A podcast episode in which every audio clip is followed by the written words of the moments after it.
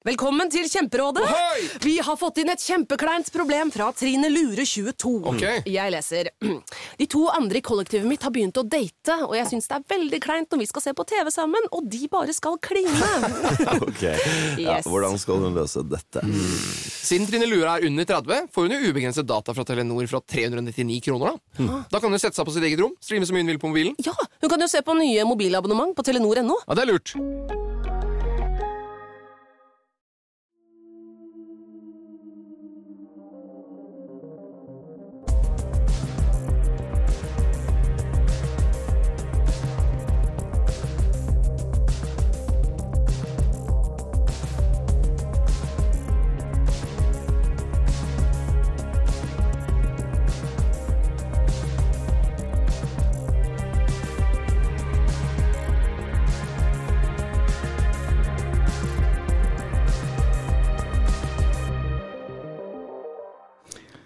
Ja, da er vi eh, på vår første livesending, og dette er jo veldig gøy. Jeg tenkte jeg skulle eh, bare opplyse dere gutter om at eh, på vei ned hit i bilen, så tikka det inn en fanmail. Å, nok en fanmail St. Morten. Nok en fanmail, og denne har jeg lyst til å lese opp, for den var Du vet at det er ikke lov å lese sånt mens du kjører, men den fanget interessen min, så eh, jeg leste den ikke, altså, men jeg hadde veldig lyst. Men da jeg kom fram, så, så sto det Nå skal jeg ikke opplyse om hvem som har sendt den, for det syns jeg er litt ufint, men det står altså Hei, jeg husker jeg så deg på en Sian-demo på Furuset for noen år tilbake. Oi, Sian, gjorde- det er disse Stopp Ja. islamiseringen av Norge. nå var ikke jeg med på den demonstrasjonen. Vi gjorde nemlig et insideropptak der oppe, for vi laget jo en episode om høyreekstremister. Ja, stemmer.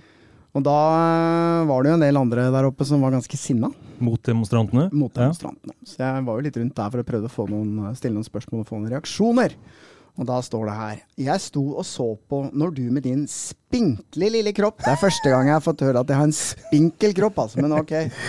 Med store hode. Ja. Forsøkte febrilsk å få til en reaksjon av en gruppe ungdommer som sto på siden. Du gikk bevisst inn, i full fart, i et moment der du trodde du skulle klare å lirke en reaksjon ut av ungdommen som sto og så på de evnevake som spøy ut hat. Å, ja. Ja, det stemmer det. At du- jeg prøvde å få noen reaksjoner, her, men det var liksom jobben min. da. Yppete bråk.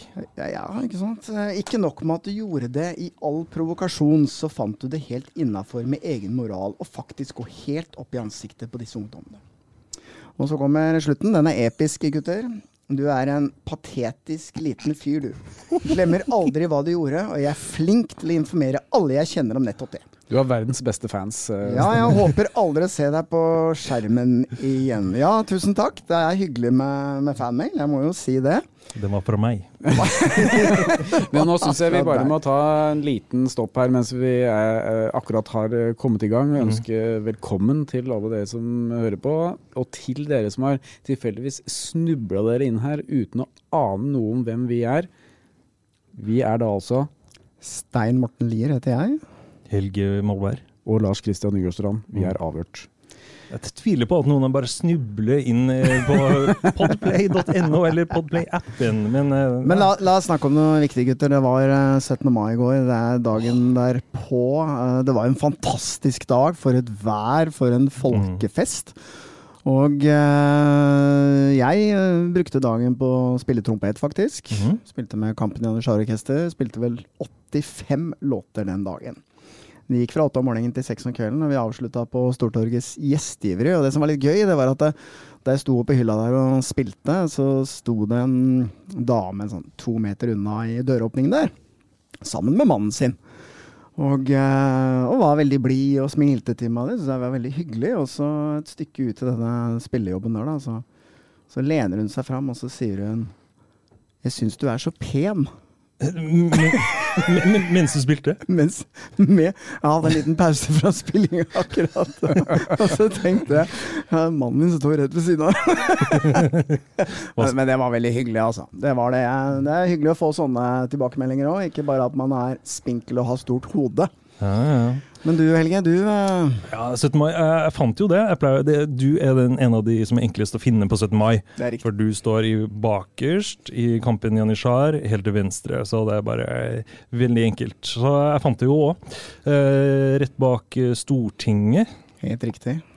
For at der endte jeg med, min nærmeste familie, min eh, svoger og hans eh, kjæreste og barn og eh, svigermor.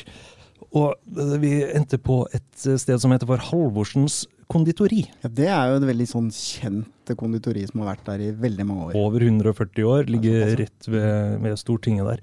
Og mens vi veldig dyre kaker, jeg kjøpte to kakestykker, kosta 250 spenn. Men samme det, øh, de var sikkert gode for de barna som fikk de kakestykkene der. Men mens vi sitter der, så dulter min eh, svoger borti meg. Og så eh, viser han eh, en sånn der eh, Google-søk på Halvorsens eh, konditori. Og der står det noe om at hvis du tar en kaffekopp og legger den opp ned på asjetten, så er det da et signal fra en ung mann, som gjør det med kaffekoppen, til eldre damer om at han gjør seg tilgjengelig. Tuller du? Nei. Er dette sant? Ja, det er bare å google. Hvorfor har ikke jeg visst dette? Jeg skulle tro at du visste det her, du som er født og oppvokst i den byen her, og har vært ganske mye ute Mye på hørt. Mye på Halvorsens konditori. Nei, hadde jeg visst det, så hadde jeg jammen uh, oppretta en liten sidebusiness. Og da sitter jo eh, hans kjæreste rett overfor meg og drikker kaffe, for hun har nettopp fått barn og sånn. Så jeg ser sånn «Eh, du, drikk, drikk kaffen din nå. Og så tar jeg koppen opp ned med en gang. Og de eh, damene med ved bordet vårt lurer jo veldig på hva det her er for noe, hvorfor vi gjør det. Eh, og vi sitter og, og kikker utover speidet, og så har, sitter en eh, eldre dame sånn fem meter ifra oss og blikker ned på denne koppen. Og så er vi oppå mannen sin og fortsetter å spise napoleonskake og kose. Å, men på øh, Og det skjer jo ingenting. får, ikke noe, får ikke noe napp, sånn veldig tydelig. Men min svoger går på do på et tidspunkt der. Og da ser jeg at den samme dama spretter opp og følger etter. Tuller du? Nei. Det er sant! Da går det inn i en sånn fellesvendt område uh, før man kan gå videre inn på toalettet. Og der hadde det blitt sånn her rar, pinlig tension. Og så det henger et bilde av Gaustad Toppen der. Og så hadde hun starta liksom eh, tatt initiativ til en samtale. Ja ja, da står vi her og nyter utsikten sammen, hadde hun sagt. Han bare, ja, ja. Jeg, jeg forsøkte jo å skyve den koppen bort til han òg, men han ville jo ha den bort. Så jeg vet ikke om hun har blanda oss sammen, eller hva det var. Men i hvert fall, da er det et uh, inntjeningspotensial hvis eh, det går dårlig, det opplegget vårt her. Det som står på lokalhistorie-wiki-siden, er jo at eh, konditoriet har lenge vært kjent for eldre fruer som tok en sherry og et kakestykke, og det har hatt et rykte for å være et sted hvor unge menn solgte tjenester etter at sherryen var inntatt. De ble da kalt melkebarter, og viste at de var gigloer ved å snu en tom kaffekopp Ja. opp ned. Så eh, det stemmer nok. Det- det er en så- greie, det er en greie. Dette her blir, en ny etterforskningssak. som Tror vi skal lage en episode om det. Jeg tror eh, jeg skal gå undercover. Men eh, Din 17. mai, ja. Min 17. mai, eh, som dere kan se, så ser jeg ut som en uh, sprengt tomat. Ganske jeg glemte å ta på meg noe solkrem i går. Uh, Faktor 30 på 17. mai, alltid. Det er grunnen til det. Men eh, vi vil jo gjerne oppfordre alle som lytter til å sende inn spørsmål, og vi har jo fått inn eh, noen her allerede. Og eh, første spørsmål Ja, men Vent litt nå, for jeg gjør meg ferdig med 17. mai. Jeg vil bare si en ting til om Ja. 17. mai før vi går videre. For de hadde en fantastisk eh, opplevelse i går. Hvor vi eh, skulle inn på Telegrafen og spille. Mm. Det er klart, Kampen Janitsjar-orkester det er jo en gjeng med halvgamle og gamle menn. Og eh, da vi kom inn på dette stedet, det var kjempestort, så var det altså bare sånn 18-19-20-åringer. Det var tjåka fullt. Okay. Og jeg tenkte er dette publikummet vårt? og så går vi inn der, og så begynner vi med Ja, vi elsker. Og har ikke sett maken til respons. Altså Alle disse unge menneskene de gævla og sang 'Ja, vi elsker', og det var en helt utrolig stemning. Og så fortsatte vi med de deres eh, jenter. Og de sang og de dansa, og jeg må bare si tusen takk for en fantastisk opplevelse, disse unge menneskene, som tok imot oss på den måten der, og skapte bare et, et øyeblikk som jeg kommer til å minnes uh, i ganske mange år framover, tenker jeg. Det, det du ikke tenker på, er at de har drukket champagne fra klokka sju om morgenen. Hjelper ikke. Det var gøy uansett. Det var fint Du, du, uansett. du ja, okay. Fin ungdom, fin ungdom. ja, ja, ja, det Ja. det, det. det. La oss uh, prøve å konsentrere oss litt om hva vi faktisk holder på med her, for nå har vi faktisk fått et spørsmål om Mm. kommer det flere episoder med Jonny Haglund.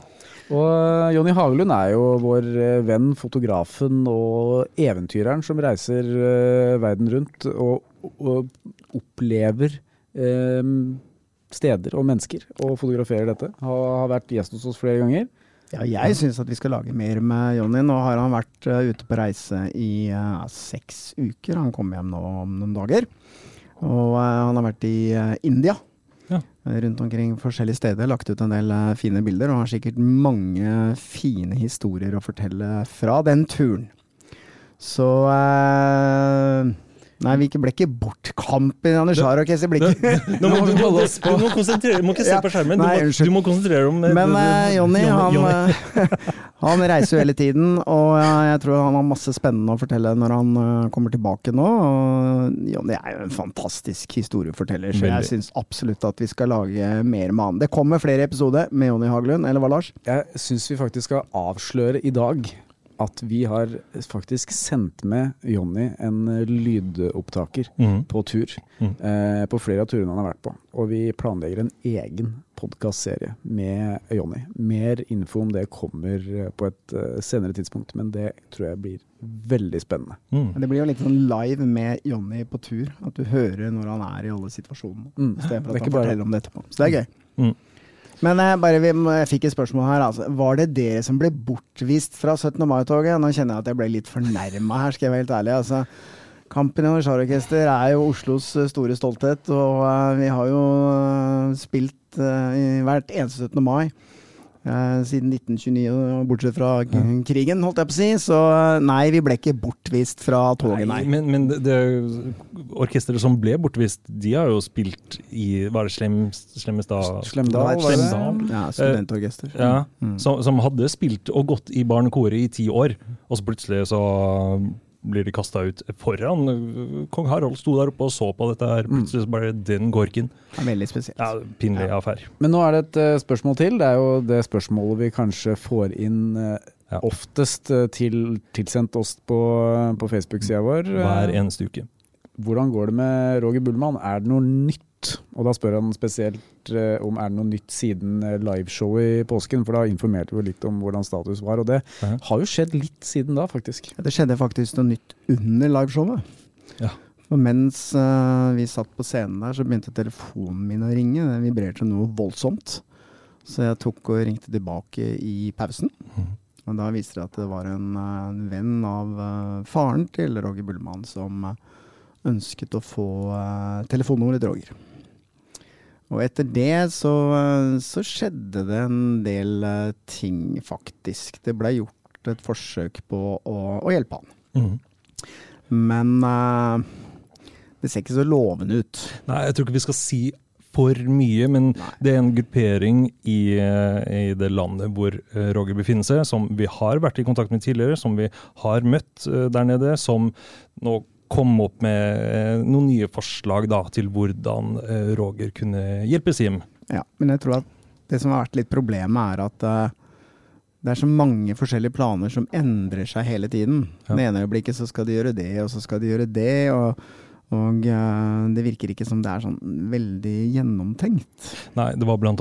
noe som vi gjorde oppmerksom på. De eh, hadde en idé om at han skulle fraktes til eh, et bestemt land, eh, og så fraktes videre derfra. Men da på, påpekte vi at du får ikke reise inn i det landet engang. Nei, akkurat nå så var det faktisk uh, ingen flyvninger inn og ingen Ja. flyvninger ut. Så da vi påpekte det, så kom de tilbake med en ny plan med et annet land og eh, ja. Nei, det går ikke så, så bra, dessverre. Det gjør ikke det. Det Vi har jo snakka litt med Roger det siste. snakka mye med han, faktisk. Mm. Mm. Han eh, er ikke i sånn kjempegod form. Nei. Og det er kanskje ikke så rart. Han har vært der i over to år. To og et halvt år. Nærmer seg faktisk Ja. tre. Og det er jo ikke sånn at han lever eh, ferielivet der nede. Han sitter jo inne på et ganske lite rom. Gått ned mye vekt. Mm. Sendte meg et bilde. Han har gått ned 35 kilo. Mm. Han var tynn, for å si det sånn. Ja. Mm. Og får vel noe mat levert på døra Mm. Via en sånn kirke. ikke sant? Ja, en kirke, tror jeg. Mm. Hvis det kommer noen uh, nyheter, så kommer vi til å lage og vi, vi jobber jo hele tiden med den saken, i den forstand at vi, vi planlegger å lage nytt, nye episoder, nytt innhold, men uh, vi, vi avventer litt til, til det skjer noe som er viktig da, mm. i saken. Men dere, dere er de første som får høre om det. Mm. Nå har vi fått et uh, annet spørsmål uh, som uh, går på hvorfor laster dere opp gamle episoder på nytt om dagen? Og det er jo en veldig enkel forklaring på det. Først å si, må jeg si takk for at du hører på, på oss på Podme, for det er jo det er reklame på et annet selskap nå, så det skal man ikke uh, rote for mye med. Men vi gir ut episoder uh, som vi har uh, hatt bak betalingsmur uh, tidligere. Eh, fordi at de nå er tilgjengelige slik at vi kan legge de ut eh, for alle de eh, lytterne våre som ikke har hørt de før. For det er bare en liten, eh, liten prosentandel som har hørt de tidligere. Ja. Derfor gjør vi det. Ja, for det er jo sånn at vi, vi produserer eh, en del episoder i året bak betalingsmur. Og så gir vi ut en del episoder eh, gratis med reklame.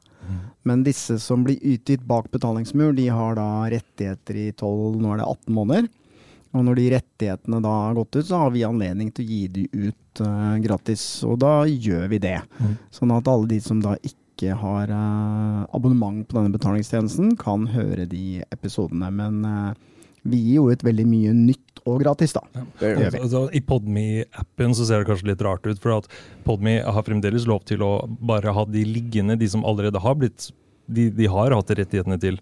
De Mm. rettighetene fortsetter eh, for for deres del, men vi har òg mulighet til å legge de ut. Derfor blir det dobbelt opp, da. Det er litt som en eh, andre podkaster legger ut en, eh, en klassiker, da. For eksempel, eller en Best of-episode en liten stund etterpå. Ja. Det, det er litt det samme. Dette er en, dette er en avgjort klassiker som nå blir sluppet på nytt. eh, I en uke hvor vi har en pause fra nytt innhold. Ja. Eh, kommer det flere eh, episoder eller videre samarbeid med Per Morten Hansen fra Sputnik-kuppet? Hei, Per Morten, takk for at du hører på. det, ja, det, det gjør det. Eh, Jeg har eh, faktisk eh, fulgt Per Morten eh, en god stund, og i det siste Han har eh, vært oppe i en rettssak i Oslo tingrett. Hvis dere husker for noen uker siden, eller noen måneder siden, er det vel nå, så sa vi at eh, da, var- da hadde vi eh, Jonny Brenna og Gunnar Børresen inne som vikarer for eh, Helge. Fordi Helge var i retten, fortalte vi da. Og det var jo i Per Morten Hansen sin rettssak. Mm. Ja, du satt jo der i 14 dager, eller? Mm. Ja.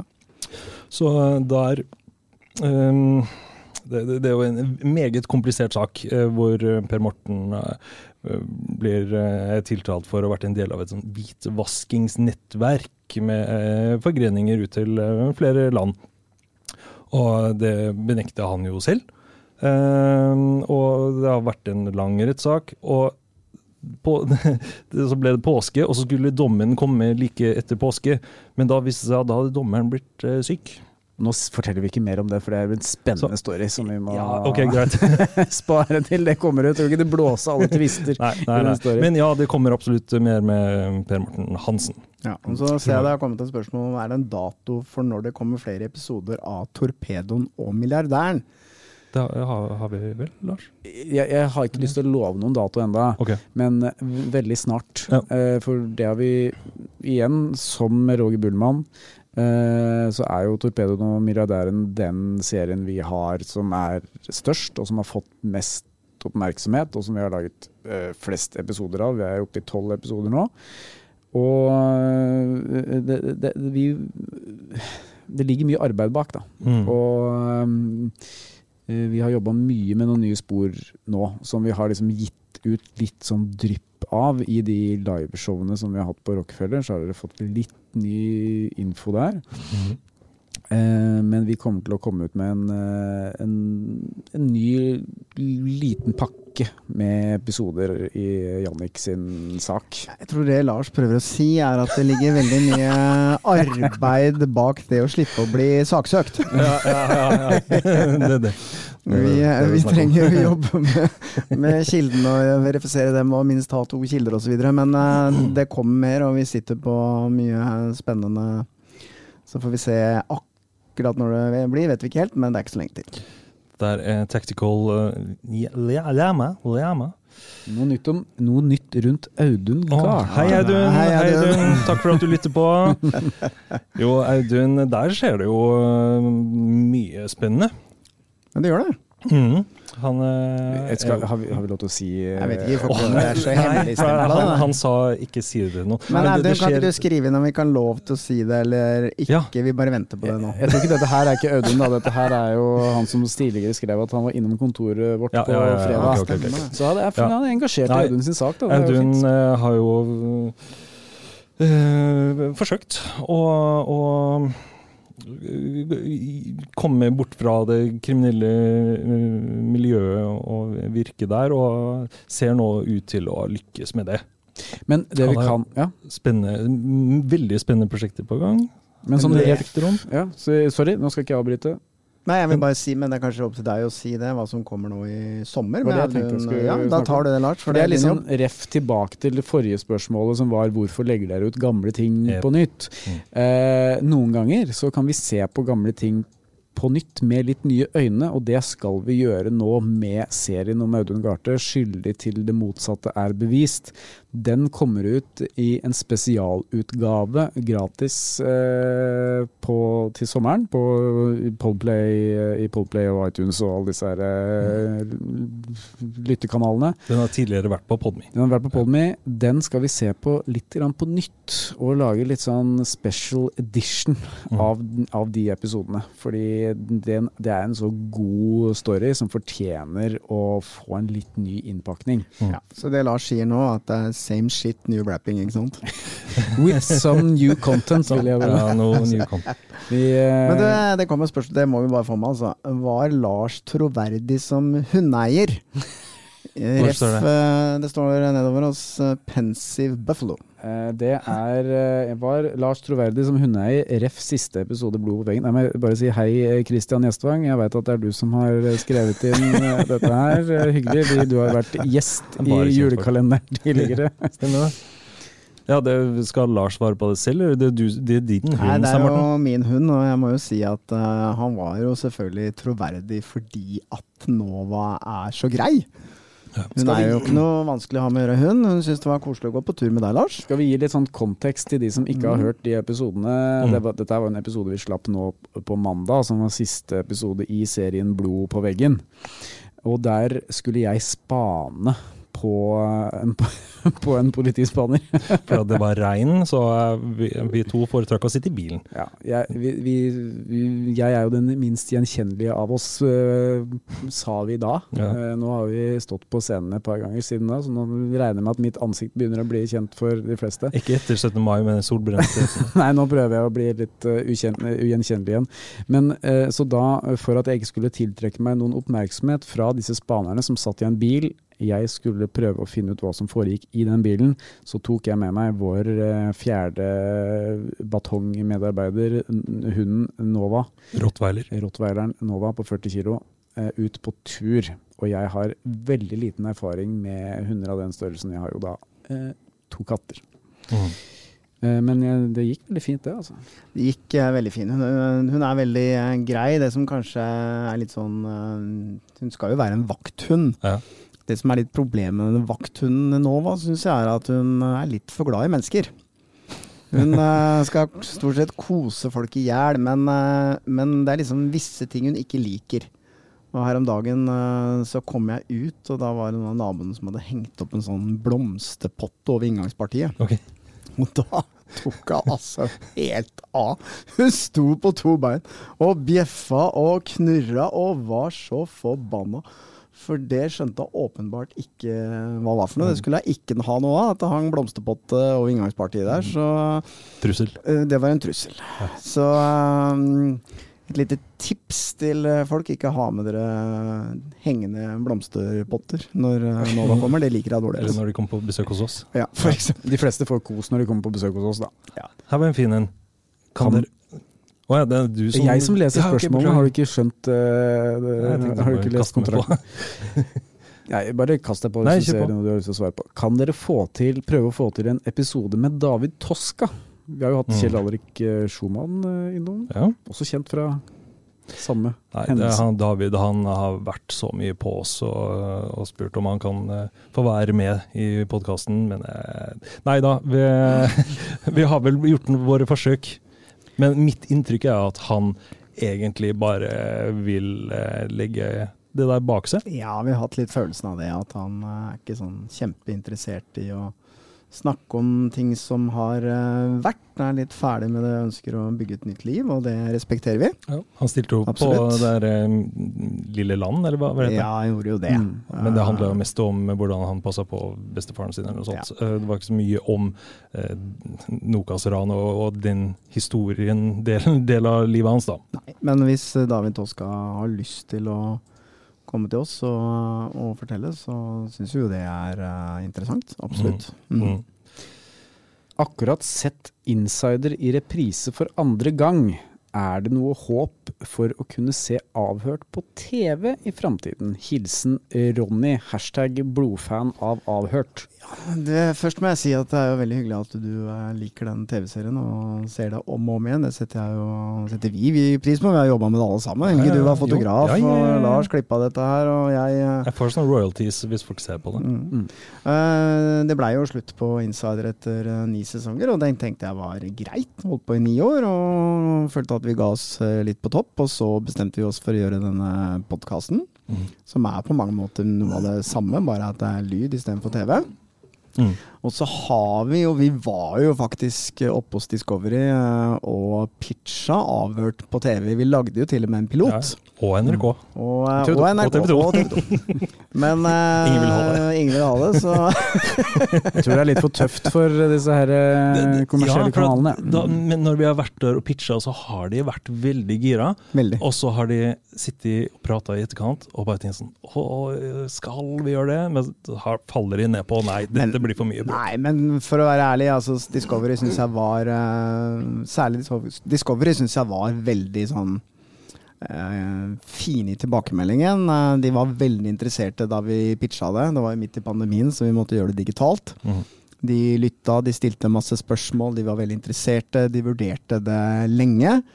Og så var egentlig tilbakemeldingen den gangen at eh, vi syns dette er spennende, men eh, akkurat nå så har vi liksom fylt opp kvoten vår litt på true crime. Og det har jeg jo sett også, at det har kommet veldig mye true crime på Discovery. Mm. Så jeg tror ikke det var en sånn unnskyldning. Jeg tror det var veldig sånn oppriktig. At Mm. uh, vi har uh, signa kontrakter på så mye true crime nå at vi har rett og slett ikke plass i sendeskjemaet vårt. Men vi er jo alltid åpne for det, for at vi filmer jo ganske mye av det vi gjør òg. Det gjør vi. Og det er for de som var på påskeshowet på Rockefeller nå i eh, starten av april. De fikk jo med seg denne lille videosnutten vi lagde. De fikk jo med seg flere videosnutter, faktisk. Eh, Men vi lagde om Roger Bullmann. Vi lagde om Roger Bullmann, som vi jo snakka om Ja. i sted. Og der har vi jo faktisk filma nesten alt Mm. som har skjedd. Så det er en eh, Hvis du sitter der ute som TV-produsent og er stor fan av Avhørt og kunne tenkt deg å se den historien på TV, ta kontakt. Ja, og når man er inne på disse liveshowene vi har hatt på Rockefeller, så syns jeg det er greit å opplyse om at uh, vi skal jo tilbake på Rockefeller nå 22.6 Stemmer det. og være med på en stor uh, true crime, eller crime festival, podkastfestival. Mhm. Eh, I og med at vi står øverst på plakaten, så sier jeg at det er vi som er headline. Vi skal i hvert fall avslutte den festivalen. Mm. 21.30 går vi på, så hvis du har kjøpt billett, så veit du når du skal være der. Men da blir det en times heidundrende show, gutter. Nå må du ikke love for mye. Nei, men vi lover. Vi får, vi får det til. Okay. Ja da. Skal vi se, ja. Kan det være Ja, Lars. Kan, kan det være aktuelt med kronerulling blant lyttere for å betale Røkken for å stille på intervju? Penger er vel hans eneste språk. Det er jo da ref tilbake til eh, torpedoen og milliardæren. Eh, ja, jeg tviler på at det, det skal være en voldsom kronerulling i så fall. Røkke har jo da ikke stilt opp eller svart på noen av våre henvendelser om eh, tilsvar i den saken. Um, Nei, vi har jo sendt av gårde én e-post hvor vi ønsket å få svar på noen spørsmål i forbindelse med ting vi tok opp på liveshowet. Mm. Og øh, vi fikk jo ikke noe svar, og jeg sendte til og med en SMS til han øh, kommunikasjonsansvarlig. Lurte på om han hadde fått e-posten, og fikk ikke noe svar på det heller, så øh, Vi, vi burde jo, for vi har jo tatt kontakt med Atle Kigen, som er kommunikasjonsdirektøren i Aker. Men vi, har du sendt melding direkte til Røkke? Du har jo nummeret hans. Nei, det har jeg ikke. altså. Jeg, jeg respekterer jo selvfølgelig at uh, han har en kommunikasjonsdirektør, Keegan, som jeg har snakket med og hatt en hyggelig passiær med tidligere. Hyggelig, hyggelig. hyggelig. Ja. Men jeg tenkte jo kanskje at uh, han kanskje kunne svart tilbake at uh, e-posten er mottatt, men vi ønsker ikke å uttale oss eller noen ting. Men vi ble egentlig bare Ghosta. ghosta, rett og slett. Mm. Mm. Har dere mottatt trusler dere følte var mer alvorlige enn andre? Type miste nattesøvn og generell frykt? Der har jeg en historie, altså. Og jeg mista ikke nattesøvn, det må jeg si. Det er sikkert pga. Uh, Nova. Um, men jeg satt hjemme en uh, mandag ettermiddag, klokka var sånn halv elleve, elleve om kvelden, og så hørte jeg at det var noen som prøvde å ta seg inn i leiligheten. Og det første tanken var jøss navn, kommer noen av unga nå, for de har jo nøkler. Men det var litt sånn rart. Og så, før jeg rakk å tenke noe mer, så tok jo Nova fullstendig av. Jeg har ikke sett hun mer sinna. Og jeg skal love deg, en sinna rottweiler på 40 kilo, da tenker du deg om to ganger, altså. Hun knurra og bjeffa og var helt gæren. Og jeg løp bort til døra for sånn kikkehull og bare kikka ut, og så hørte jeg bare at det smalt i den der oppgangsdøra nede. Og så løp jeg bort for å prøve å se hvem det var, men det, det klarte jeg ikke. Men uh, da tenkte jeg etterpå det var litt uh, rart, altså. Uh, for det var åpenbart at de prøvde å ta seg inn i leiligheten min. Mm. Men du er jo den som kanskje har opplevd mest sånne ting av oss. Du er jo selskapets ansikt utad, og kanskje enda mer på at du jobba på Insider. At du fikk den type litt sånn negativ oppmerksomhet. De har jo opplevd eh, noen ting. Det har ikke vært noe sånn voldsomt alvorlig, men det er jo ubehagelig når folk f.eks. Jeg jobbet jo i mange år som eh, personlig trener på et treningssenter, og jeg husker jo at det var en, eh, en svær fyr som hadde oppsøkt eh, det senteret og spurt etter meg, og som, eh, som skapte litt frykt i lokalene der. eh, Med oppførselen hans og utseendet og alt mulig, men jeg hørte aldri noe mer. Men det var jo et tilfelle hvor eh, min tidligere samboer var livredd, for da sto det plutselig en fyr på døra og spurte etter meg. Mm. Og så husker jeg hun ringte, og så kjørte jeg hjem, og så prøvde jeg liksom å ta noen runder i nabolaget for å finne denne fyren, og så Det fant jeg jo ikke, da. Men uh, det gikk vel kanskje dagen etter, eller sånt, og så fikk jeg en melding fra denne fyren. Mhm. Og så begynte jeg å sjekke litt uh, hvem han var, og så videre. Og så til slutt, da, etter mye om og men, så viste det seg jo at uh, han hadde egentlig kommet på døra for å få kjørt fra Trondheim. For å få min hjelp, fordi at det var noen som hadde operert inn uh, mikrofoner og avlyttingsutstyr i hodet hans. Hevdet han. Hevdet han. Ja. Mm. Eh, Så da tenkte jeg at eh, ja, ok. Eh, Det er jo trist når man blir såpass paranoid som det, men han var jo nok ikke noe trussel for meg. Han ønsket jo bare at jeg skulle hjelpe han. Mm. Det er jo, det, dette har jeg jo fortalt om igjen i denne nye serien vår, 'Blod på veggen'. Den fikk jo den tittelen fordi vi det, det ble, var noen, en mystisk person, som sprayet eh, det som så ut som blod på veggen på, og døra på kontoret vårt. Og da husker jeg Vi, vi har jo tenkt at det kan være en trussel Mhm. retta mot oss. Men jeg følte jo aldri noe frykt rundt det, egentlig. Jeg syns bare det var veldig rart. Ja, og nesten litt sånn komisk. Ja.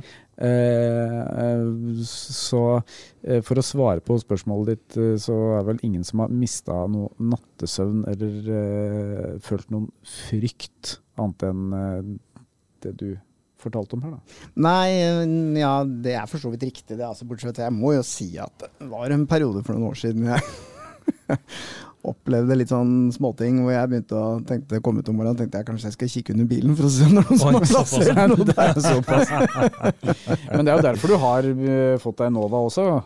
Ja, det er ikke bare derfor, men eh, det er hyggelig med en hund, og jeg har alltid ønsket meg en hund, og jeg har tid til det. Eh, Dere har jo en del rottweilere i familien også. Broren min har jo to stykker i tillegg. en eh, faren hennes og broren hennes, så det er mye hunder i familien. Og eh, det er jo en venn og en kompis, og hun skaper mye kos på kontoret. Mhm. Men det er ikke til å stikke under en stol at jeg vet jo det at det er ingen som kan snike seg innpå meg uten at hun eh, Koser de i hjel. Koser de i hjel.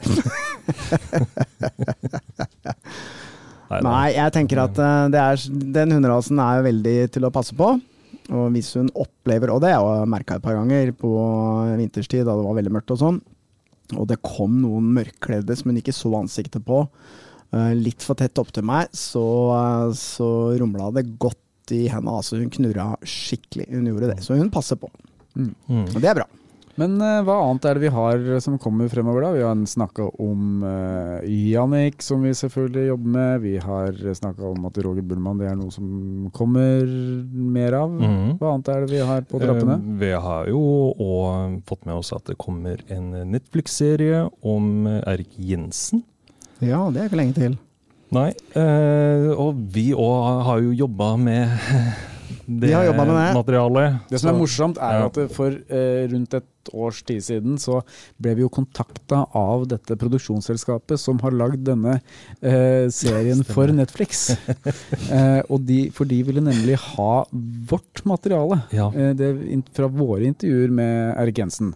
De, de ville kjøpe eh, Altså, de, de ville ha De ville kjøpe lydstrekk fra podkastene vi hadde gitt ut med Eirik. Ja. Og da var, var det første vi gjorde Ja ja, det, det er vi med på. Og så gikk vi inn på NRK og sjekka tas, eh, takstene. På, Jeg ringte. du ringte til NRK? Jeg ringte opp og sa unnskyld meg, NRK, men uh, hva koster det å bruke lyd fra dere? Og da sa han fyren nei, hos oss så koster det 11 000 kroner per minutt. Per påbegynte minutt. Ja. Og da slo vi av litt, grann, Mm. og så Vi ga en 10% rabatt eller noe, du Inge. ja, ja, ja. Mm. Så det er det det koster. Ja. Hørte aldri noe mer. Fikk aldri noe mer eh, svar fra de. Det var f uten at vi visste at dette her skulle på Netflix. Ja, da hadde de bare fått det gratis. Selvfølgelig. Vi vil på Netflix, vi. Men det kan jo godt hende at de bruker materialet likevel, og så skriver de inn faksimile. Sitatrett. Ja, det er lov, det. Det er lov det. Det er gøy hvis dere har gjort det, da. Men- men vi jobber jo med en uh, podkast om Eirik, vi også. Og, eh, og eh, tenker at vi skal eh, få til noe der. Vi syns det er mange aspekter ved den saken som er interessant. Og da er vi liksom ikke så veldig opptatt av eh, av skyldspørsmål og sånne ting. Vi er mer opptatt av hvordan var denne saken startet, hvordan Mm. var den ble etterforsket, Mm. hva gjorde politiet i denne saken, hva gjorde de ikke. Eirik har jo kommet med en god del informasjon til oss. Vi har besøkt han et par ganger. Mhm. Mm. Mm. Så det, det er jo uten tvil eh, interessant informasjon, og jeg sitter jo igjen med en følelse av at den dommen er ikke riktig. Nei, den følelsen har jeg hatt eh, hele tiden. Jeg sitter ikke her og sier at uh, vi har fasit med noen som helst, men jeg sitter med en sånn ekkel følelse av at uh, det er noe som ikke helt kanskje er helt korrekt her, da. Nei. Men vi skal se på det. Vi kommer jo også med en Hva skal jeg si for noe? Vi har jo tatt tak i denne casen som VG slo veldig stort opp, nemlig eh, eh, advokaten og torpedoen. Ja. Mm. Eh, fordi at det er jo en veldig stor historie som er kanskje fortalt en uh, brøkdel av. Ja, altså om advokat Amir Mirmotehari som eh, skal ha eh, Hjelp meg litt, så jeg ikke ødelegger den historien. Han skal ha hyra en torpedo Hyre en- til å eh, frihetsberøve en dame. Ja, et voldtektsoffer, fordi at klienten hans da satt fengsla for den voldtekten for å, prøve å få han eh, løslatt. Men uh, denne historien den er, uh, inneholder så utrolig mye mer, og vi hadde jo Amir i studio. Han har jo fortalt sin historie fra A til Å, Mm. pluss at vi har fått tilgang på masse dokumenter og lydklipp osv. Så videre, sånn at uh, vi syns jo det er en, en historie som er verdt å fortelle. Nå skal jo Amir inn og sone, fordi han anka ut til Høyesterett, men det ble jo forkasta. han fikk jo elleve år, da. Ja. Annet for drapsforbund også. Så, men den historien kommer, og den uh, tenker jeg øh, det er verdt å jobbe med. Og, og øh, selv om VG har skrevet om det, så er det så mye mer her som er uh, verdt å høre på. Mm. Mm. Er det mulig å få Tom Hagen i tale, har vi fått inn som spørsmål her. Nå har jeg lyst til å si mer enn jeg har lov til å si, men jeg kan ikke si det. Nei, jeg kan ikke si det.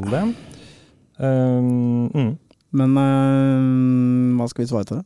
Om det er mulig å få han i tale? Det, Ja, det har jo NRK.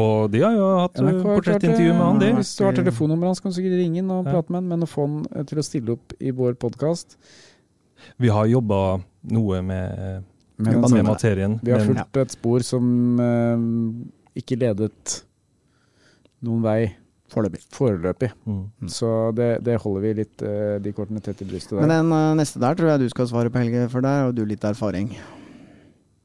Denne kunne vært mulig Rokstad. å lage noen episoder av advokatfirmaet Rokstad også. Ja, ja, ja. Vi har jo vært Vært inne hos oss? Ja, ja. Mm. Vi har prata med, med de. Og jeg vet- ikke hva det endte med. Jeg har ikke hørt noe fra de på Jeg tror det endte litt med at vi hadde litt for mye annet å gjøre. Det som ofte skjer, er jo at eh, vi får jo så mange henvendelser. Og det er så mange ting vi gjerne skulle ha jobbet med, men vi er liksom tre dudes på et Ja. kontor som eh, ikke har all verden av ressurser. Og vi har jo ikke muligheten til å, å grave dypt i absolutt alle caser.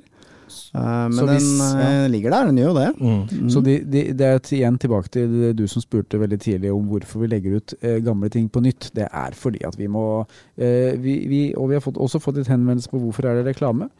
Det er fordi at vi skal klare å holde denne her eh, skuta i gang, altså. Mm. Eh, vi er tre dudes som skal løse veldig mange ting. Jeg husker for en stund siden nå, så fikk vi jo en litt sånn sint melding om at uh, podkast skal være gratis. Ja. Dama var veldig sinna, for det skulle være gratis. Men det er klart det at eh, da har jeg lyst til å stille et spørsmål tilbake. Uansett hva du driver med, så, så jobb, er vel ingen som jobber gratis, er det det? Eh, Man er jo avhengig av å ha en viss inntekt for å kunne betale regninger og, og leve, og det gjelder det samme for oss. Vi er, hvis vi skal kunne lage disse tingene, så er vi nødt til å ha en inntektskilde. Hvis ikke, så, så går det ikke. Mm. Apropos det å ingen som gjør ting gratis. eh, har dere noe anslag på hvor stort torpedomiljøet i Norge er? Har ikke peiling. Kjenner noen av de? Kjenner Ja. noen. Det er, eh, det er, men Hørt vi, om noen? Vi kjenner ikke så mange av den yngre garde. Eh, så vi vet ikke helt hvor Om det vokser. Mm. Det gjør vi ikke, men vi kjenner jo en del av de eh, Ja, så har vi fått Voksne navn. gutta? Jeg har hørt om noen og tipsa om noen, men hvor stort det er, jeg tror ikke det er sånn kjempestort. Jeg tror ikke det. Men det var et spørsmål der som uh, du hoppa over nå, faktisk. jeg, jeg, jeg hopper litt frem og tilbake Mm. mellom spørsmålene. Jeg pick and choose. Uh, hei, sier Short Lizard. Hei, Hei, hei. Short Lizard. Hei, hei. Still gjerne et spørsmål. Er avhørt det eneste dere gjør, eller har dere alle annen jobb ved siden av? Altså Avhørt er jo det vi eh, lever av. Det er jo på mange måter eh, det firmaet vi driver og jobber i. Eller vi er ikke ansatt, for det har vi ikke råd til. Det er ikke, det er ikke nok minutter i døgnet til at vi kan ha noe annen jobb, eh, eller hva, stemmer Nei, så det jeg gjør, at jeg sa jo i stad at jeg har jobba i mange år som personlig trener på et treningssenter. Jeg har trappa kraftig ned på det, men jeg har beholdt noen kunder og, og jobber litt på morgenen eh, noen dager i uka og ettermiddagen med en, eh, kanskje ti eh, treningstimer i uka, men ikke noe mer enn det. Det har jeg ikke tid til. Nei, Jeg har sendt inn en søknad til Halvorsens konditori som eh, vaskehjelp der. Men etter at jeg hørte historien din om Halvorsen, så tenker jeg at eh, ja, hvorfor ikke? Jeg har jo jobba i mange år som eh, filmklipper, så det hender jeg tar på meg et oppdrag som eh, reklamefilmklipper i ny og ne.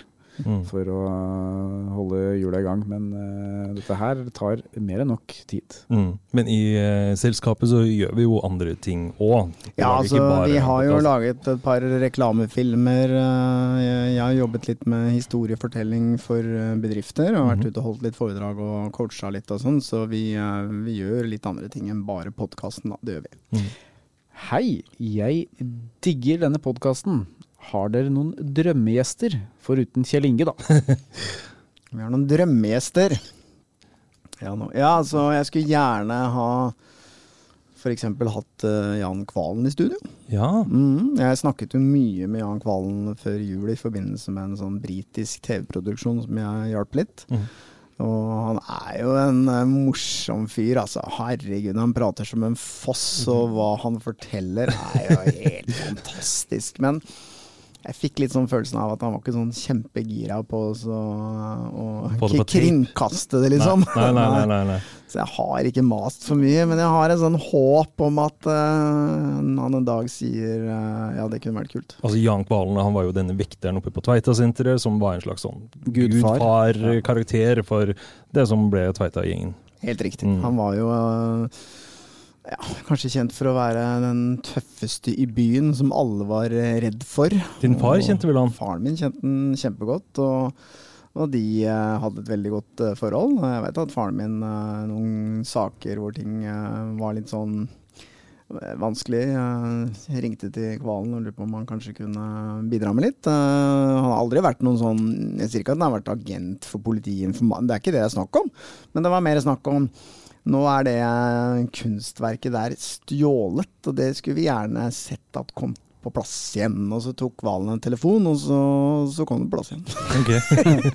Her har vi et uh, interessant uh, spørsmål som er ganske aktuelt, eller har vært ganske aktuelt for oss eh, siste halvår, egentlig, med de episodene som vi har gitt ut. Eh, super podkast, fast lytter hver uke. Kan dere si noe om hvordan dere vurderer det etiske i de ulike episodene? Hører dere på podcasten, eh, eller hørte dere på podkasten Tut og mediekjør, hvor dere svarte bra altså, men vil gjerne høre mer om det? Da var bare vil informere om at det var jeg som svarte. Ja, det var du som svarte, Det var ikke vi som svarte. Altså, det er ikke noe tvil om at vi eh, For det første så er vi jo, og det er vi jo nødt til, eh, opptatt av eh, Vær varsom-plakaten. Vi har jo ikke vært underlagt Vær varsom-plakaten tidligere, for det er jo ikke podkaster i utgangspunktet. Nei, men vi har jo hele tiden hatt Vi kommer jo fra TV hvor vi har vært nødt til å forholde oss til det, og vi, vi jobber etter det. eh, I disse prinsippene om uh, å opplyse ordentlig om hva det dreier seg om, og få inn tilsvar osv. Så, videre. så eh, det er klart at eh, vi tar ikke lett på de tingene. Innimellom er det vanskelige vurderinger, men det er det jo alt noen ganger. Vi fikk jo kritikk eh, gjennom denne podkasten Tut og mediekjør, som er eh, en medierelatert podkast, eh, hvor pga. vårt intervju med Kjell Alrik eh, Schumann, Ja, hvor vi eh, Det ble vel følt at han fikk snakke litt for u, ukritisk. At, vi var litt for ukritiske til det han snakket om. Hadde vært en gutteprat. Det var litt gutteprat. Eva. Ja. Eh, og Og det ja, vi tar jo det til oss. Vi tar det til oss. For all del. Og uh, nå, nå er jo liksom litt av prinsippet vi jobber etter, er jo Raklevs metode. Det der at du skal møte folk med respekt og la de få lov å fortelle. Og være nysgjerrig og ikke sitte der og være veldig veldig kritisk. Men det er klart på slutten så kan man liksom tillate seg å komme med en del kritiske spørsmål. Eh, Sånn i etterkant så kunne vi nok vært litt mer kritisk eh, mot slutten eh, i den podkasten. Du, du sier Raklevs metode. Mm. Asbjørn Raklev, Ja, avhørseksperten. Mm. Norges fremste avhørsekspert som Ja. vi hadde med oss på juleshowet på Rockefeller. Beklager at jeg var litt utydelig der, men Asbjørn Raklev han har jo utvikla disse nye avhørsmetodene til eh, politiet. Mm. Og han er jo veldig opptatt av det at uh, man skal, uh, ja, som jeg sa, møte folk med respekt. La de fortelle hele historien sin, og ikke møte de med liksom uh, fordømme og være kritisk, og, men vente til de har liksom fått lov å, fortelle ferdig, da. mm. Men nå har det jo blitt uh, aktuelt for de som hører uh, oss på Podmy, da. Uh, disse to siste store sakene vi har hatt der, 'Honningfella' og 'Blod på veggen', de har jo fått en litt annen form enn de episodene som vi vanligvis gir ut. Og det er rett og slett fordi at vi nå er underlagt ansvarlig redaktør på de episodene. Dermed er vi nødt til å gå en del ekstra runder med innholdet. Vi er nødt til å balansere, være litt mer objektive. Vi prøver å være objektive i den forstand vi, vi, vi, vi lar jo folk få lov til å snakke ut, da. Det er jo det du nettopp eh, presenterte, Sten Morten. Men uh, vi er nødt til å balansere mer hvem som får uttale seg. F.eks. hvis det kommer en del anklager eh, mot en fra en part, så er vi nødt til å la andre, den andre parten få slippe til og stille spørsmålstegn ved om eh, vi- får den fulle og hele sannhet, f.eks. Ved å kun få én side. Det er jo vanskelig å, å si. Mm. Mm. Og innhente tilsvar der det må, og, og dette er vi nødt til å gjøre. Og det prøver jo vi også å tilføre de andre episodene. Vi gjør jo det. Men eh, ja. Ja, det, det, det fosser inn her nå. Fosser inn spørsmål. Nå, begynner, nå er det faktisk bare 10-12 minutter Ta igjen. en short eh, nei. Eh, Happy Seahorse. Hvor mye skal Stein Morten ha for å være vår stemme i et nytt sentralbord? Er det, som, er det ferdig innspilt eh, Hvis det er ferdig innspilt, så skal jeg Sånn. ikke ha så mye for det. Altså. Er det sånn tast én for å komme ja, og tast to, eller skal, må du da sitte der? Ja, hvis, jeg, hvis jeg må sitte der, da blir det dyrt. liksom? Men uh, hvis jeg skal bare spille inn noen greier, så trenger ikke det å koste all verden, altså. Og, eh, så Short Lizard, det er bare å, det er bare å sende en eh, e-post eller eh, ringe meg. Vi har også fått høre at eh, jeg og Stein Morten har ganske like stemmer, så hvis du trenger billigversjonen, så er det bare å ringe Lars. Det var gøy. Men det kommer an på hvilket sentralbord, da. Det skal vi ingenting om. Kan du ha faren, faren din på podkast, Morten? Det Det har vi jo har vi jo faktisk hatt. Altså. Ja. I en av de tidlige episodene så gjorde vi jo en podkast med, med faren min. Mhm. Eh, vi starta jo litt opp sånn uh, med Nei, skal vi lage en podkast da, Helge? Det var da vi ikke hadde noe kontor, så vi Ja. dro alltid ut til folk. Og da var vi hjemme hos din far, og det var veldig hyggelig. Stemmer det, altså. Så det har vi faktisk gjort, altså. Mm. Mm. Uh, her har vi flere forslag på gjester. Imran Saber, aka, aka Onkel Skrue, eller Mm. Metkel Betev. Ja, nei, altså det hadde vært uh, interessant å snakke med begge to. Nå kjenner jeg ikke noen av dem, har aldri snakka med dem, har aldri møtt dem. Men, uh, men det er klart at det hadde vært kult, det. Jeg har en kompis mm. som uh, De bodde i samme, i samme etasje som hans mor. Og noe av det første som møtte de, det ble jo skutt mot den leiligheten. Okay. En uke etter de hadde flytta inn dit. Så de, de har flytta bort nå, da. Det er en veldig interessant eh, familie. Mm. Skal vi se. Klarer dere alltid å være objektive? Dette har vi jo nesten akkurat snakka om, føler jeg. Men eller har det hendt at følelsene tar overhånd? Eh, Og da ref eh, episoden som heter 'Svindleren', som vi, hvor vi anonymiserte denne eh, motbydelige personen. Nei, nå, må du slutte. Kagis. Nei da, men, eh, men jeg tenker at jeg skal svare på det, for jeg, jeg, jeg, Godt hende jeg tar feil, altså. Men eh, eh, Helge, du er nok den mest eh, minst empatiske, for å si det sånn. Ikke misforstå meg rett, du er veldig profesjonell, du er veldig objektiv. Du er veldig knallhard på å grave fram fakta og, og, eh, og diskutere ting. Og, og si at eh, nei, gi meg ikke før jeg finner ut av disse tingene. Eh, jeg har en svakhet med at jeg ofte blir litt for eh, Hva skal jeg si for noe? Jeg syns synd på folk, altså. Jeg gjør det. Og det blir ofte innimellom en liten konflikt oss imellom, og det er så bra at vi har Lars, som er veldig avbalansert. Og, og smoother over. Jeg prøvde akkurat meg på en liten joke hvor jeg, prøv, hvor jeg la inn et adjektiv om denne personen som vi hadde på besøk. Ja, ja. Eh, Men jeg, jeg, jeg prøver jo Altså, jeg har jo sagt hele tiden at jeg eh, er den som holder dere i øra.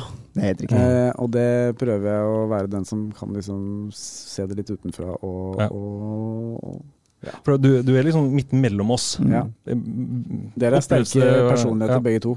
Eh, og det er kanskje Jeg vet ikke om jeg er det, men uh, jeg prøver i hvert fall å finne balansen. Ja. Men jeg tenker kanskje Men det er en det, god det er et fint eksempel med den Mm. svindleren, for da ble du litt opprørt. Jeg ble det. Mm. Ja. Mm. Jeg syns han var en fascinerende fyr å prate med. Mm. Men uh, for en skrue. Ja, men jeg, jeg har Jeg blir ofte litt sånn eh, Får litt medfølelse og syns litt synd på folk og blir kanskje litt farga av det. Og Og det er bra det at du kan være litt hardere på akkurat det. For du hadde da medfølelse med ofrene, ja. Ikke sant? Mm. Eh, ikke, ikke han. Neida. Nei. Da. Men vi får jo utrolig mange Men- forskjellige karakterer inn døra vår. Ja, og han her, akkurat han svindleren, han opplevde det ganske ubehagelig på slutten av det intervjuet. Fordi han, da vi sa ok, da, da er vi ferdige, så hoppa han opp stakk ut døra. Det Han var sa så ikke ha det engang. det var, nei, han, det var så vidt han sa det. Mm. Han fikk så mange kritiske spørsmål, Ja, på og slutten. ja. mange som vi måtte klippe ut. Men igjen så Ja, ja. husker jeg at eh, jeg Det er litt med følelser og sånn. Jeg ble jo litt sint. Ja. Og det skal man egentlig ikke bli. Men jeg blei litt forbanna. Ja. Og var eh, litt eh, kanskje overkant hard med han, mens du eh, var kanskje litt eh, Akkurat i det tilfellet litt mildere. men han løp ut døra der, så Ja. Men ja.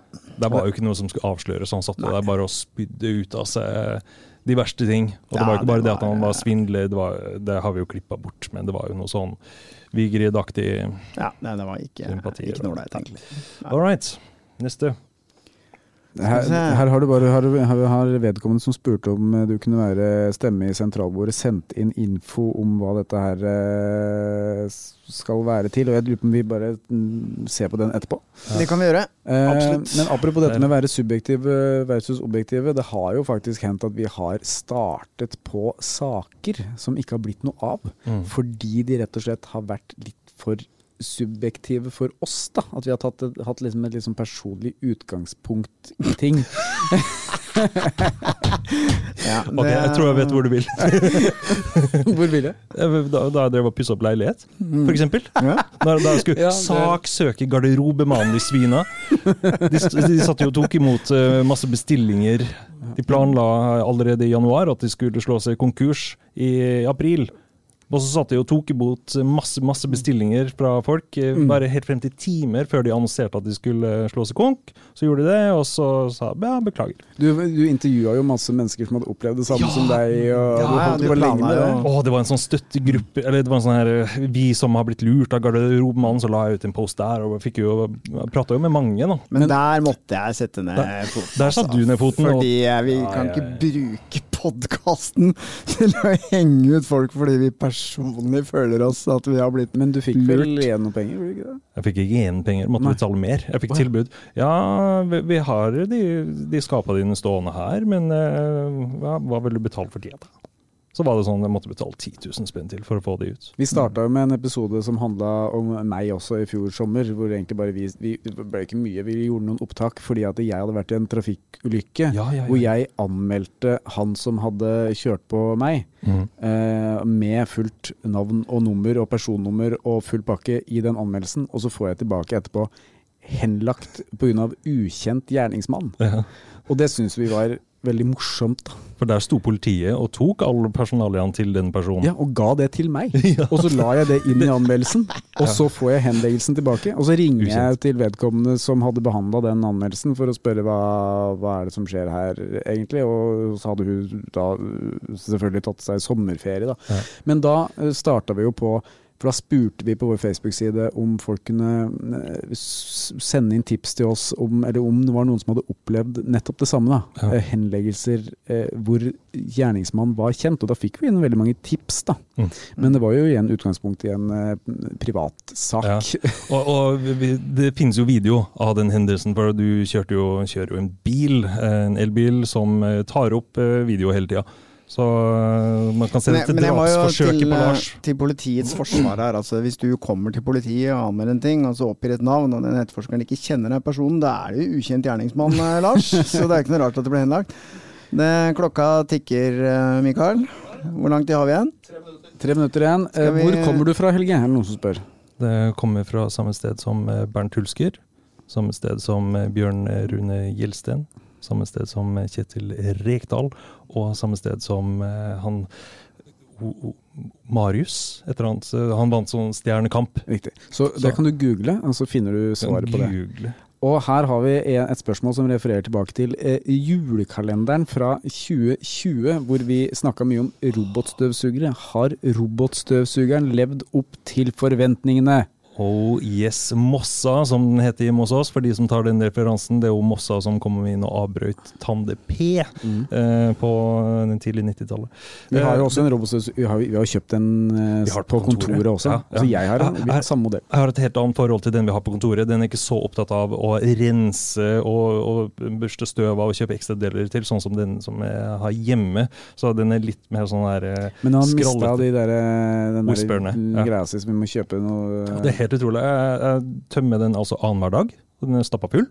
Eh, hjemme altså, Mossa. Episoden med Bernt Hulsker eller noe sånt. Episoden med Bernt Ja, uff, nei, jeg, jeg syns det er forferdelig, det som har skjedd med, med Bernt her. Jeg tror ikke det eh, Sånn som eh, Jeg har jo gått på barne- og ungdomsskole med fyren, og han står ikke for de tinga som har kommet frem i, i, rundt den saken der, altså. Eh, her, eh, Magdalena spør om vi noen gang har blitt skikkelig trua når dere har laget podkast. Da kan du uh, gå tilbake og lytte på opptaket av denne episoden her. Du har kanskje kommet inn litt uh, seint, for da svarte vi på trusler. Ja. Mm. Om trusler. Vi har ikke blitt trua mens vi har lagd podkasten. Kan, kan noen sende en trussel nå? Ja, send, gjerne, send gjerne inn trusler. Dere har ett minutt. Helt ok. Helt- Men eh, takk, det var helt ok, dette her. Det, Ja, liksom, ja. Helt, ja, jeg, tar, jeg tar den. Dette, at- det er kritikk. Nei, Nei. nei. helt ok. Det eh, spiller på den videoen vi lagde til showet. At jeg går og skal ta reperen pga. terningkast 3. Og dette har vært en terningkast 3-sending. Tuller veldig artig med livesending, sier vedkommende. oi, ja. Husk at Helge er sensitiv for eh, dårlige tilbakemeldinger. Vi finner han i garasjen stadig vekk. Nei, hva sier du, Mikael? Et minutt. 30 sekunder. 30 Fortsett med deres fantastiske arbeid, Nei. ellers blir det bank. Ja, ja. Der kom Det, det er for lite bank i verden, det er det du pleier å si. Nei, Stemmer. aldri sagt. Blir det flere, flere liveshow? Eh, ja, det Ja, skal vi prøve 22. til. 22. Ja, på Rockefeller. ja, ja, men det, av disse, Ja, disse. liveshowene. Skal ikke vi ha en i måneden? Vi prøver å få til en i måneden. Ja, det prøver vi på. Kanskje ikke med det første, men etter hvert. Og da Kjør en halvtime til. Nei, det Vi har ikke lov. Mikael sier eh, stopp nå. stopp, kjør vignett, eller? Dere har en utrolig bra podkast. Ha en nydelig kveld. Ha en nydelig kveld, dere som har lytta på. Tusen også. takk. Ha det bra. Ha det. Avhørt er produsert av Batong Media. Redaksjonen består av Stein Morten Lier, Helge Molvær og Lars Christian Nygårdstrand.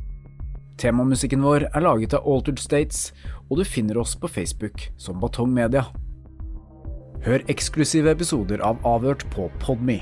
Gå inn på podme.com, eller last ned appen Podme.